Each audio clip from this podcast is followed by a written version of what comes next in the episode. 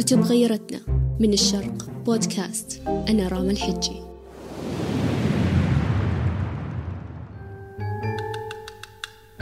تقول الدراسات أن كل سنة 305 مليون شركة تنشأ حول العالم.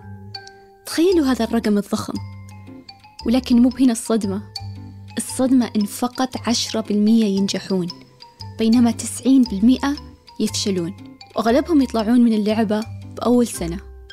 عشان كذا كتاب اليوم اللي بنتكلم عنه هو كتاب Good to Great أي من جيد إلى عظيم للكاتب جيم كولينز. جيم كولينز هو باحث ومؤلف ومتحدث هو مستشار أمريكي. يركز على موضوع إدارة الأعمال واستدامة الشركات ونموها. وهذا الكتاب يعد من أشهر وأنجح كتاباته واللي باع أكثر من أربع مليون نسخة حول العالم. بعدما اكتشف كولينز الأسرار العظيمة وضعها لنا في منهجية قدمها لنا من خلال كتابه من جيد إلى عظيم. طب ليش الضجة هذه كلها؟ وإيش هي المنهجية؟ خلوني أقول لكم. إنك تبدأ شركتك الخاصة أصعب بكثير مما نظن في أسئلة كثيرة ربما تدور في بالك ومنها لماذا تفشل الشركات؟ ولماذا يصمد البعض الآخر؟ حتى أنها تتحول عظيمة. هذا السؤال بذاته خطر على بال جيم كولينز وقرر أنه يبدأ بحثه في دراسة الشركات العظيمة كيف نجحت ولما سقط الآخرون. بعد دراسة كولينز للحصول على الماجستير في إدارة الأعمال في جامعة ستانفورد رأى كولينز بنفسه كيف تدار الشركات العظيمة من خلال كونه مستشار في جامعة McKinsey and Company ومن ثم مديرا للمنتج Hewlett Packard. بعد عودته إلى ستانفورد للتدريس وإجراء الأبحاث أسس كولينز مركزا للبحوث الإدارية في كولورادو. لتعزيز سعيه لفهم ماذا يجعل بعض الشركات ناجحة والبعض الآخر لا. كيف سووها؟ حدد كولينز وفريقه مجموعة من الشركات اللي بيقارنونها. تضمنت هذه الشركات اللي كانت تعمل في نفس الصناعات وكانت جيدة لكنها إما لم تقفز من مرحلة كونها جيدة إلى عظيمة أو حققت نجاح قصير الأجل لكنها فشلت في الحفاظ على نجاحها. جمع الفريق أكبر قدر ممكن من البيانات. عن كل شركة من ال 11 شركة. أجروا مقابلات مع المديرين التنفيذيين اللي شغلوا مناصب في وقت انتقال شركتهم من جيدة إلى عظيمة. وبالتالي تجنب الفريق بدء بأي فرضية. بدلا من ذلك سعوا إلى بناء مبادئ من البيانات فقط. وأخذوا كل هذه الفوضى وحولوها المفهوم من النتائج اللي توصلوا لها. تمكن الفريق بعد ذلك من إنشاء إطار عمل متماسك من المفاهيم. التي استخدمتها كل شركة من الشركات الجيدة. خلونا نتعمق شوي. نتعرف على المكونات التي تجعل الشركات الجيدة تصبح عظيمة. المكون الأول القيادة ذات المستوى الخامس.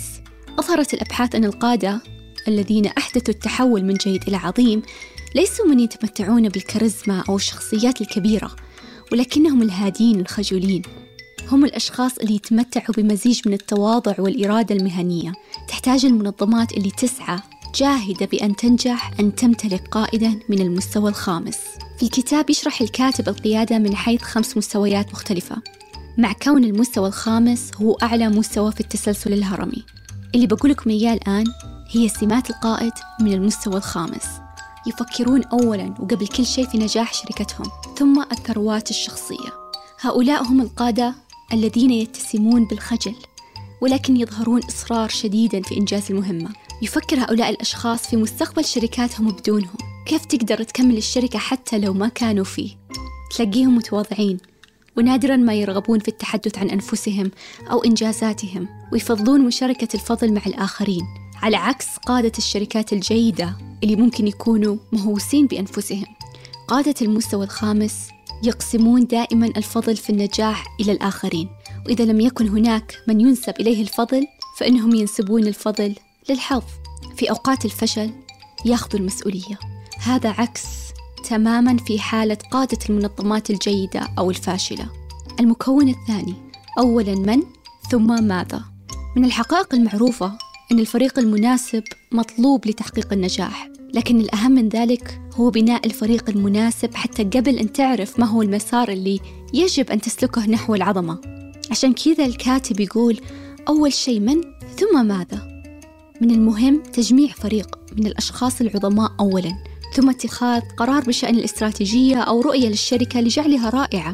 السبب الرئيسي هو أنه عندما ينضم إليك الأشخاص من أجل استراتيجية الشركة أو اتجاهها ما في ضمان استمرارهم معك أو حتى ما تدري إذا تقدر تحفزهم نفس القدر إذا غيرت الشركة مسارها. لكن أولئك اللي هم في الفريق بسبب شخص آخر في الفريق بيكونون دائما جاهزين لجعل الشركة رائعة بغض النظر عن اتجاهها. يتخيل الكاتب الشركة كحافلة ويقول لحصول على الفريق الصحيح يجب إدخال الأشخاص المناسبين في الحافلة وإخراج الأشخاص الخطأ من الحافلة. لازم تعرف مين بتركب في هذه الحافلة ومين تطلع ومين مفروض يقعد قدام ويقود ومين مفروض يكون بالنص وورا. يستخدمون مهاراتهم بناء على القيادة. من المهم أيضا أن تكون صارما في قرارات الأشخاص. في ثلاث طرق عملية ممكن تساعدك. إذا كنت شاك توظف الشخص ولا لا أجل توظفه. لما تعرف أنك بحاجة إلى تغيير الناس تصرف. حط أفضل الأشخاص عندك على أكبر الفرص وليس على المشاكل الأكبر. المكون الثالث مواجهة الحقائق القاسية. واحدة من الوصفات المهمة لتصبح الشركة عظيمة هي اتخاذ سلسلة من القرارات الجيدة ولا يمكن اتخاذ القرارات الجيدة إلا إذا واجهت حقائق قاسية أولا. تحتاج الشركات إلى خلق مناخ تسمع فيه الحقيقة. طيب كيف أخلق هذا المناخ؟ قد بأسئلة وليس إجابات. تحقق باستمرار حتى تحصل على صورة واضحة. الانخراط في الحوار والنقاش. من المهم الانخراط في مناقشات مكثفة التي تؤدي إلى خاتمة ناجحة بدلا من مجرد الود عشان تحافظ على العلاقات. حلل المشاكل دون لوم. يزدهر مناخ الحقيقة لما تتحلل الكوارث دون لوم أحد عليها. ضع في اعتبارك هذه الكوارث على أنها تعلم. وانتقل إلى بناء أنظمة قوية لتجنب الكوارث المماثلة في المستقبل. المكون الرابع مفهوم القنفذ. تعرفون القنفذ؟ الحيوان الصغير اللي بظهره شوك.